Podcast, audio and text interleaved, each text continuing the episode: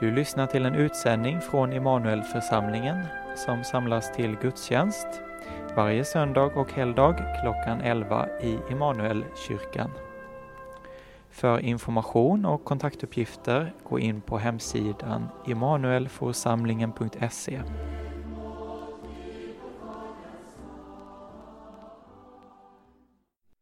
Hör, milde Herre Gud, ditt folks böner, så att vi som med rätta skulle bli straffade för våra synder må genom din barmhärtighet bli befriade från dem. Ditt heliga namn till ära. Genom din son Jesus Kristus, vår Herre. Amen. Hör Herrens ord ifrån Andra Samuelsbokens sjunde kapitel. Kung David gick in och satte sig ner inför Herrens ansikte och sade Vem är jag, Herre, Herre, och vad är mitt hus, eftersom du har fört mig ända hit? Och ändå var detta för litet i dina ögon, Herre, Herre. Du har också talat om din tjänares hus långt fram i tiden och detta till undervisning för människorna, Herre, Herre. Vad ska nu David säga mera till dig? Du känner din tjänare, Herre, Herre. För ditt ords skull och efter ditt hjärta har du gjort allt detta stora och gjort det känt för din tjänare. Därför är du stor, Herre, Herre. Ty ingen är lik dig och ingen Gud finns utom dig efter allt vi har hört med våra öron. Hör också Herrens ord ifrån Filipperbrevets tredje kapitel. Allt det som var en vinst för mig räknar jag nu som förlust för Kristi skull. Ja, jag räknar allt som förlust därför att jag funnit det som är långt mer värt, kunskapen om Kristus Jesus, min Herre. För hans skull har jag förlorat allt och räknar det som avskräde för att jag ska vinna Kristus och bli funnen i honom. Inte med min egen rättfärdighet, den som kommer av lagen, utan med den som kommer genom tro på Kristus. Rättfärdigheten från Gud genom tron. Då känner jag Kristus och kraften från hans uppståndelse och delar hans lidande genom att bli lik honom i en död med honom, i hoppet om att nå fram till uppståndelsen från de döda. Inte som om jag redan har gripit det eller redan har nått det målet, men jag jagar efter att gripa det, eftersom jag själv har blivit gripen av Kristus Jesus. Bröder, jag menar inte att jag redan har gripit det, men ett gör jag. Jag glömmer det som ligger bakom och sträcker mig mot det som ligger framför och jagar mot målet för att vinna segerpriset, Guds kallelse till himlen i Kristus Jesus. Så lyder Herrens ord. Gud, vi tackar dig. Upplyft era hjärtan till Gud och hör dagens heliga evangelium, så skriver evangelisten Matteus i sitt nittonde kapitel. Petrus tog till orda och sade till Jesus, se vi har lämnat allt och följt dig. Vad ska vi få för det? Jesus sade till dem, Amen säger jag er. Vid pånyttfödelsen, när Människosonen sätter sig på sin härlighets tron, då ska också ni som har följt mig sitta på tolv troner och döma Israels tolv stammar. Och var och en som för mitt namns skull har lämnat hus eller bröder eller systrar eller far eller mor eller barn eller åkrar, han kommer att få hundrafalt igen och ska ärva evigt liv. Men många som är de första ska bli de sista och många som är de sista ska bli de första. Så läsningen idag kommer från, eh, eller kommer efter Jesu möte med den rike mannen han som gick bedrövad bort eftersom han inte kunde skilja sig från sin rikedom för att följa Jesus. Och sedan kommer samtalet med lärjungarna där om att ingen kan bli frälst genom egna ansträngningar eller uppoffringar utan att det är, det är ett Guds under om någon blir det. För människor är det omöjligt men för Gud är allting möjligt. Och sen efter vår läsning så kommer liknelsen om vingårdsmannen som lejer folk till att arbeta i hans vingård vid tredje timmen, vid sjätte timmen, vid nionde timmen och vid elfte timmen. Alltså från klockan sex på morgonen och framåt. Från klockan nio och framåt. Eh, och i elfte timmen, det är där vi har uttrycket ifrån, alltså när någonting sker i sista stund. Men det märkliga var att alla sen, oberoende av när de kom till vingården och faktiskt började arbeta, att de fick samma lön. De som hade jobbat en timma fick samma lön som de som hade jobbat nio timmar. Och vår läsning hör nära samman med det som kommer före och det som kommer efter. Eh, med den rike mannen och med vingårdsarbetarens lön och till och med lite av det som kommer efter vingårdsarbetarens lön. Det kommer nämnas sen. Och en slags refräng genom detta, eller nyckelvers, är detta att först ska bli sist och sist ska bli först. I Guds rike så beror det inte på vad vi har tjänat ihop utan vad Gud ger av nåd. Och liknelsen om arbetet i vingården är då inte Guds ords befallning om hur det ska gå till i arbetslivet utan en provocerande liknelse som ställer alla på samma nivå. Både när det gäller vår synd och när det gäller Guds nåd. Och det viktiga är i detta att vi har Jesus för då har vi allt och saknar ingenting. Och predikans rubriker som lite grann ska packa upp detta lite mer den som lämnat allt och endast har Jesus har allt. Och nummer två, den som har allt har allt av nåd och kan inte jämföra sig med andra. Och sen den tredje, den som har allt av nåd ska tjäna andra. Första, den som, har allt, den som lämnat allt och endast har Jesus har allt. Det är detta som Jesus har undervisat lärjungarna om redan tidigare i bergspredikan. Sök först Guds rike och hans rättfärdighet så ska ni få allt det andra också. Och på sätt och vis kan man säga att lärjungarna har gjort detta. När de först möttes av kallelsen så ser vi inte att någon enda, enda av dem frågade Jesus, ja, vad får jag för det? Utan de lämnade allt och följde honom på hans kallelse. Och det är detta Petrus nu påminner Jesus om när nu saken kom på tal. Han hade utlovat en skatt till den här rike mannen och Petrus undrar, kommer vi också få den? Eller något liknande? Den rike mannen skulle fått det om han sålde allt och gav åt de fattiga och sen skulle han följa Jesus. Vi vet inte vad som fick Petrus att ställa frågan, om det var hans stolthet över att faktiskt redan ha gjort det som Jesus bett av den rike mannen, eller var det begär efter lön eller belöning för detsamma, att de som lämnat allt faktiskt skulle få den skatt som Jesus utlovat. Eller hade Petrus förstått mer än så att de genom ett Guds under varit som kameler som pressats genom nålsögat och kommit in i Guds rike. Men ändå så är ju det kvar att även om han insåg där så frågar han fortfarande vad får vi för det? När Jesus svarar detta så den första delen av Jesus svar kan förstås på flera olika sätt. Den om sitta på tolv troner och döma Israels tolv stammar och så vidare. Eh, det ska jag inte gå in och eh, diskutera i den här predikan utan jag fokuserar på den andra delen av Jesus svar som väldigt tydligt handlar om alla troende. Eh, och det att var och en som lämnat något för Jesus skull ska få hundrafalt igen och ärva evigt liv. Och då kan vi lägga märke till också om vi har läst exempelvis samma sak hos Matteus, eller hos Markus, förlåt, att där lägger han till också att vi får hundrafalt igen redan här i livet eller här på jorden. Men lägger också till mitt under förföljelser. Så det går inte, inte att pressa Markus till någon guldskimrande framgångsteologi heller. Och då blir skillnaden mellan Matteus och Markus eh, texter ganska liten egentligen. Och, och, vi kan nog tänka att Matteus har betonat som han gör för att han vill fokusera på ändens tid, på det eskatologiska perspektivet som det så fint heter. Och när Jesus kommer tillbaka, domens dag eh, och de omvälvande händelserna där när det blir kastas om. När först blir sist och sist blir först och så vidare. Men vad innebär detta? Vad är det vi ska få igen? Vad är skatten och vad innebär den här omvända ordningen?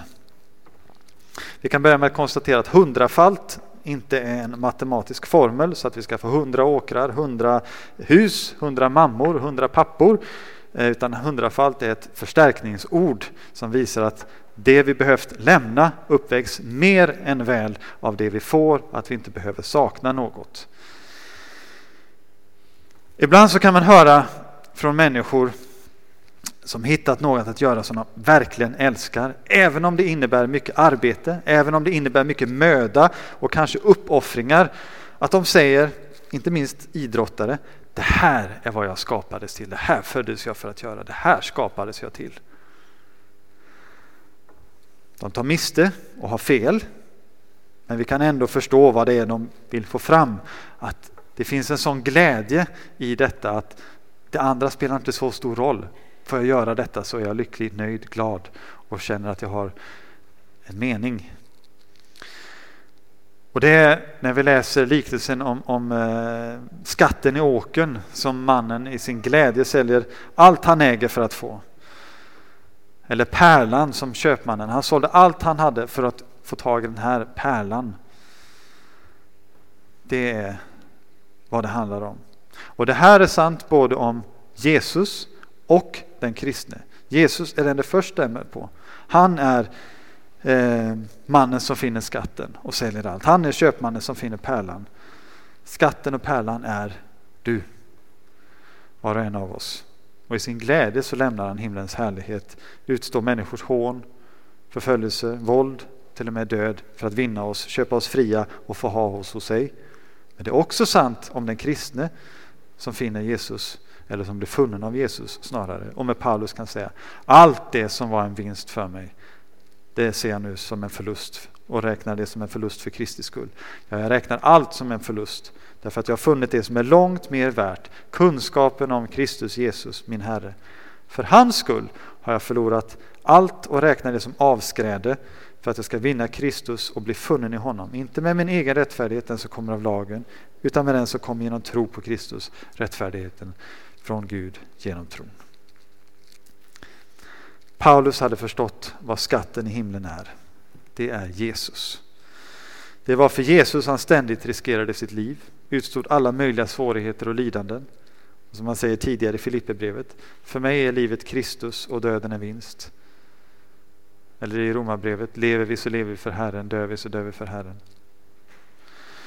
Här i livet hade han Jesus och när han lämnade det här livet visste han att han hade Jesus. Död eller levande, den skatten kunde ingen ta ifrån honom.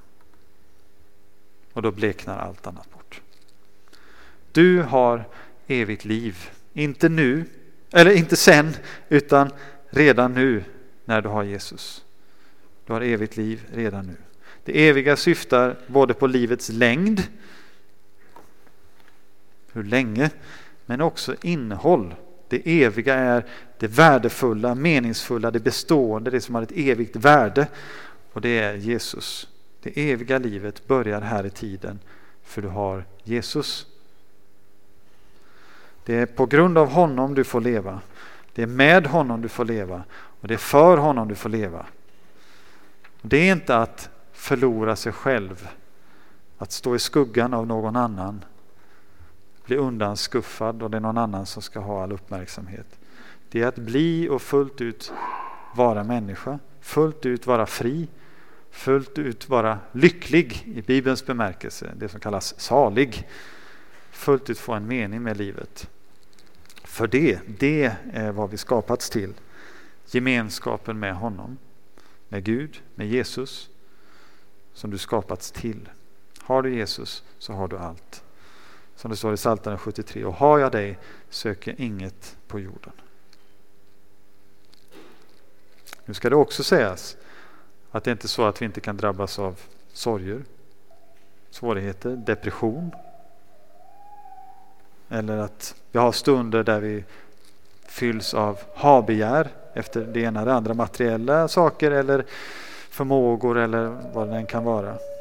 Precis som vi inte är immuna mot sjukdomar eh, eller andra kroppsliga skador. Att bli kristen är inte att svälja ett lyckopiller. Även om mångas liv har förvandlats när de mött Jesus. Det kan ha varit en omvälvande förändring snabbt, men det kan också ha varit en långsam. Och på ett annat plan ska vi inte förneka att det också finns sådana som först söker Guds rike men ändå saknar dagligt bröd. Också Paulus talar om att lida brist. Stundtals verkar han också varit ganska deprimerad. För att inte tala om Jesus i ett semane där han greps av sorg och ångest och sa min själ är djupt bedrövad ända till döds. Jorden är många gånger en fantastiskt vacker plats, men den är också en jämmerdal. Men oavsett vilka förhållanden vi lever under, i medgång eller i motgång, i överflöd eller brist, så är det vi har att sträcka oss mot Guds kallelse till himlen i Kristus Jesus. Och hela tiden så har vi Jesus som vår broder, vän, den som lyssnar till vår bön, som förlåter, tröstar, vägleder, drar oss till sig, drar oss till, till Fadern och till himlen. Orden från Saltaren där är 73 som jag citerade.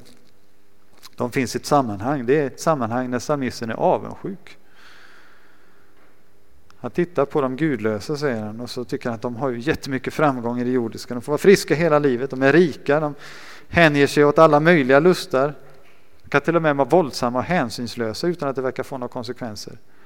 Och han uttrycker det till och med så här. Förgäves höll jag mitt hjärta rent och tvådde mina händer i oskuld. Och så tänkte han tills han insåg vad som väntade dem. De ska få ett fruktansvärt slut, står det. Då insåg han vilken otroligt stor skatt det är att ha Herren, att ha sitt hopp i honom, ha löftet om det eviga livet. Därför frågade han inte efter något annat på jorden. De han såg var de första skulle sedan bli de sista. Men de som har Herren ska bli de första oavsett hur det ser ut här i livet. Men jämförandet och avundsjukan kan ändå fortsätta bland kristna. Och vi kommer då till den andra rubriken. Den som har allt har allt av nåd och kan inte jämföra sig med andra. Petrus skulle få lära sig den läxan på ett, ett, ett hårt sätt. Han föll djupast av lärjungarna kan vi tänka, bortsett från Judas.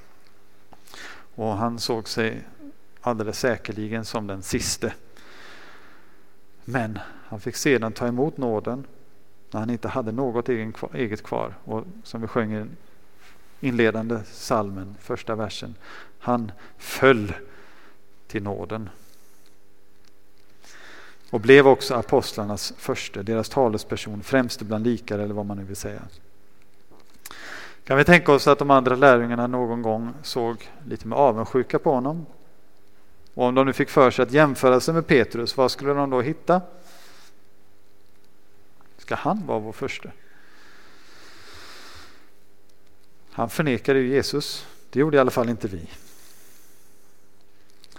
Men sedan skulle de kanske inse att det de inte gjorde med sina läppar, det gjorde de med sina fötter när de sprang bort och flydde bort ifrån Jesus.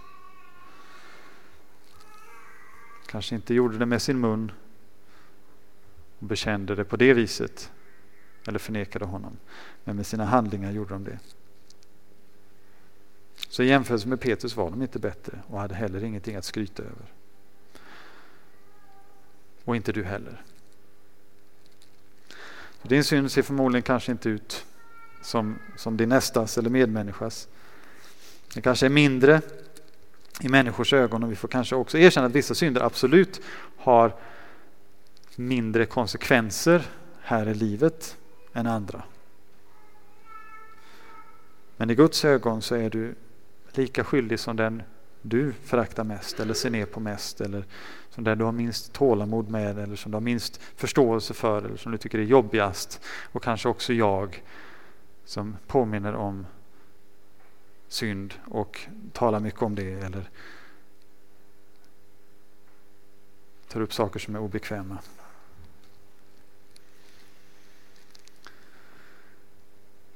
Men redan när vi är små så börjar vi jämföra oss. För syskon kan det vara lite jobbigt. Småsyskon som får se mer saft i glaset hos sina stora syskon. Eller kanske mer läsk nu för tiden. Som måste gå och lägga sig tidigare. Som inte får lika hög veckopeng eller vad det än kan vara. Stora syskon som får ta skulden oftare. Med hänvisning till att ja, men, du är större, du borde förstå bättre. Eller som förväntas hjälpa till mer. Som blivit för stora för det ena eller andra inte kan rida på axlarna längre eller vad det kan vara. Och jämförandet slutar aldrig. Vi jämför betyg, lön, utseende, uppmärksamhet, popularitet, vänner, bil, hus, trädgård, kunskap, humor, social förmåga, fromhet, bibelläsning, bön och synder. Och så tänker du att, du kanske, att, att dina synder inte är värre än någon annans. Inte så farliga. Det är enkla saker som nästan kan kvitta om du tar med i syndabekännelsen eller inte. Och så bekymrar du dig som, om så lite så att du till och med kanske glömmer det ibland. Och när du ser vissa andra så är ju dina ingenting i jämförelse. Du verkar ha ganska ordnat liv, bra karaktär, ståndaktighet mot grova synder. Du är lite bättre helt enkelt. Men var inte för snabb med att avfärda som att, att, att, att detta inte handlar om dig bara för att det är lite förväntade formuleringar. Det är sånt man ska säga i en predikan. Men hur allvarligt tar du synden i ditt liv? Gör du allvarliga försök att döda olika begär? Tänk på verser som Hebreerbrevet 12. Ännu har du inte gjort motstånd ända till blods i din kamp mot synden. Eller i bergspredikan. Om ditt högra öga förleder dig till synd så riv ut det och kasta bort ifrån dig. För det är bättre att en kroppsdel går förlorad än att hela din kropp kastas i Gehenna.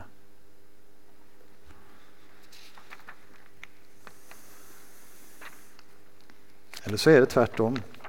Att du verkligen har kämpat och försökt på alla tänkbara sätt att bli fri från olika saker.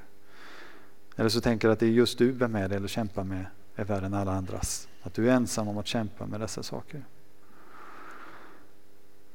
Du har sämre karaktär, viljestyrka och förmåga till bättring.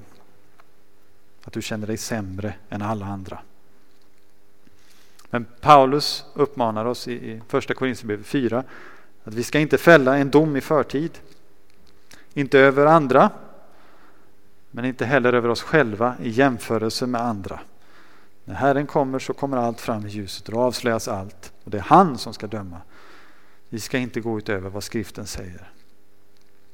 Men när du går till skriftet, skriften, då träffar ordet dig och det är till dig och med dig Herren talar. Inte till dig i jämförelse med den och den och den. Utan till dig i jämförelse med Gud och hans rättfärdighet. Sök först Guds rike och hans rättfärdighet. Och när du söker den, ja då märker du vad det innebär när du ser hur Gud är. Hans godhet, fullständigt osjälviska kärlek som överträffar någonting som vi kan frammana. Men också hans vrede över synden, över det som är orättfärdigt, oriktigt, fel.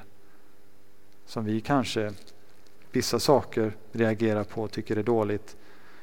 Andra saker, det är väl inte så farligt. Men vi är ganska ljumma i förhållande till det när vi jämför oss med Gud. Då ser vi i Guds lag vad faktiskt Guds rättfärdighet är. Fullständig rättfärdighet, fullständig helhet, fullständig syndfrihet. Och det har du inte. Och det säger skriften, du har det inte. Du har ingenting att skryta med, ingenting att, att komma med, någon rätt att kräva lön, belöning eller beröm. Men skriften säger också i samma brev, fast det första kapitlet. Bröder, se på er egen kallelse. Inte många av er var visa om man ser till det yttre. Inte många var mäktiga, inte många av förnäm släkt. Nej, det som för världen var dåraktigt har Gud utvalt för att låta det visa stå där med skam. Och det som för världen var svagt har Gud utvalt för att låta det starka stå där med skam. Och det som för världen var oansenligt och föraktat, ja, det som inte var till, har Gud utvalt för att göra till intet det som var till. För att ingen människa ska berömmas inför Gud. Och sen har vi det viktigaste. Honom har ni att tacka för att ni är i Kristus Jesus. Som Gud för oss har gjort till vishet, rättfärdighet, helgelse och återlösning för att det ska ske som står skrivet. Den som berömmer sig ska berömma sig av Herren. Och när vi talar om detta så talar vi om frälsningen. Vad som gäller för att kunna bli frälst. Och då är det vad Gud ger, inte vad vi har. Det här innebär inte att det inte finns något värde hos oss, att vi inte är värdefulla i Guds ögon. Tvärtom är det detta som driver honom till att sända sin son att rädda oss. Men när det gäller just detta, hur blir man frälst? Då har vi ingenting att lyfta fram hos oss själva. Allt du har, har du av nåd. Ingenting du har fått, eller det är något du har fått och inte förtjänat. Annars hade det varit som vi läser i klagovisorna, ute med oss. Men det är fortfarande så att vi kan inte låta bli att jämföra oss. Och då jämför vi istället kanske Guds gåvor. Eller hur? Hans välsignelser, talanger han ger, andliga erfarenheter, roller, uppdrag. Och det är nog detta Jesus är inne på när han i liknelsen börjar förklara med att de första ska bli sist och tvärtom. Vi ser att Jesus bejakar Petrus fråga. Om man vill tolka Petrus fråga på det sättet att den kommer ur ett begär eller status och makt skulle man kunna förvänta sig att Jesus hade tillrättavisat honom och även lärjungarna. Men han gör inte det. Men vi kan samtidigt se hur Jesus höjer ett varningens finger i slutet och även genom den efterföljande liknelsen där om arbetarna i vingården. De ska inte se sig som herrar för att koppla till hur det fortsätter efter liknelsen. När, när Johannes och Jakob vill ha platserna på höger och vänster sida. Hans, deras mamma kommer fram och ber om detta. Men återigen, de övriga lärjungarna är inte bättre. När de får höra om, om vad de här Johannes och Jakob har gjort så blir de upprörda. För de vill ha samma sak. Och så förklarar Jesus ytterligare vad det innebär med att de första ska vara de sista och de sista ska vara de första. Och då kommer vi till den sista och, och kortare rubriken. Den som har allt av nåd ska tjäna andra. Den som vill vara störst här i livet ska göra sig minst. Inte uppträda som en herre och vilja bli betjänad utan bli som en slav. Det eftersträvansvärda är inte att bli betjänad utan att få nåden att betjäna. Att få bli som sin Herre, att få bli som Jesus som betjänade oss genom att ge sitt liv och som fortfarande betjänar oss, mättar oss också var morgon med sin nåd. Och när det är så, då blir vi gåvor till varandra. Vi blir systrar och bröder, fäder och mödrar. Vi erbjuder hus och åkrar, mat, arbete. Vi delar med oss av det vi har, hjälper varandra mitt under förföljelser. Och då har vi det som Markus också talar om i parallellstället. Vi ser inte till vad vi har för att jämföra oss utan vi ser till vad vi har för att kunna dela med oss. Och vi ser inte till vad den andra saknar för att känna oss lite bättre eller överlägsna utan för att se på vilket sätt kan vi hjälpa. Och så är det med våra materiella gåvor och så är det också med våra andliga gåvor. Allt har Herren gett för att hela församlingen ska bli uppbyggd. Och vi avslutar med att läsa ur Romarbrevet 12. I kraft av den nåd jag har fått säga till var och en av er ha inte högre tankar om er själva än ni bör ha, utan tänk förståndigt efter det mått av tro som Gud har tilldelat var och en. För liksom vi i en enda kropp har många lemmar och alla lemmarna inte har samma uppgift, så är vi många en enda kropp i Kristus, men var för sig är vi varandras lemmar. Vi har olika gåvor efter den nåd vi har fått. Att profetera i överensstämmelse med tron, att tjäna i vår uppgift, att undervisa i läran, att förmana med uppmuntran och tröst, att dela ut gåvor utan baktankar, att vara hängiven som ledare eller att visa barmhärtighet med glatt hjärta.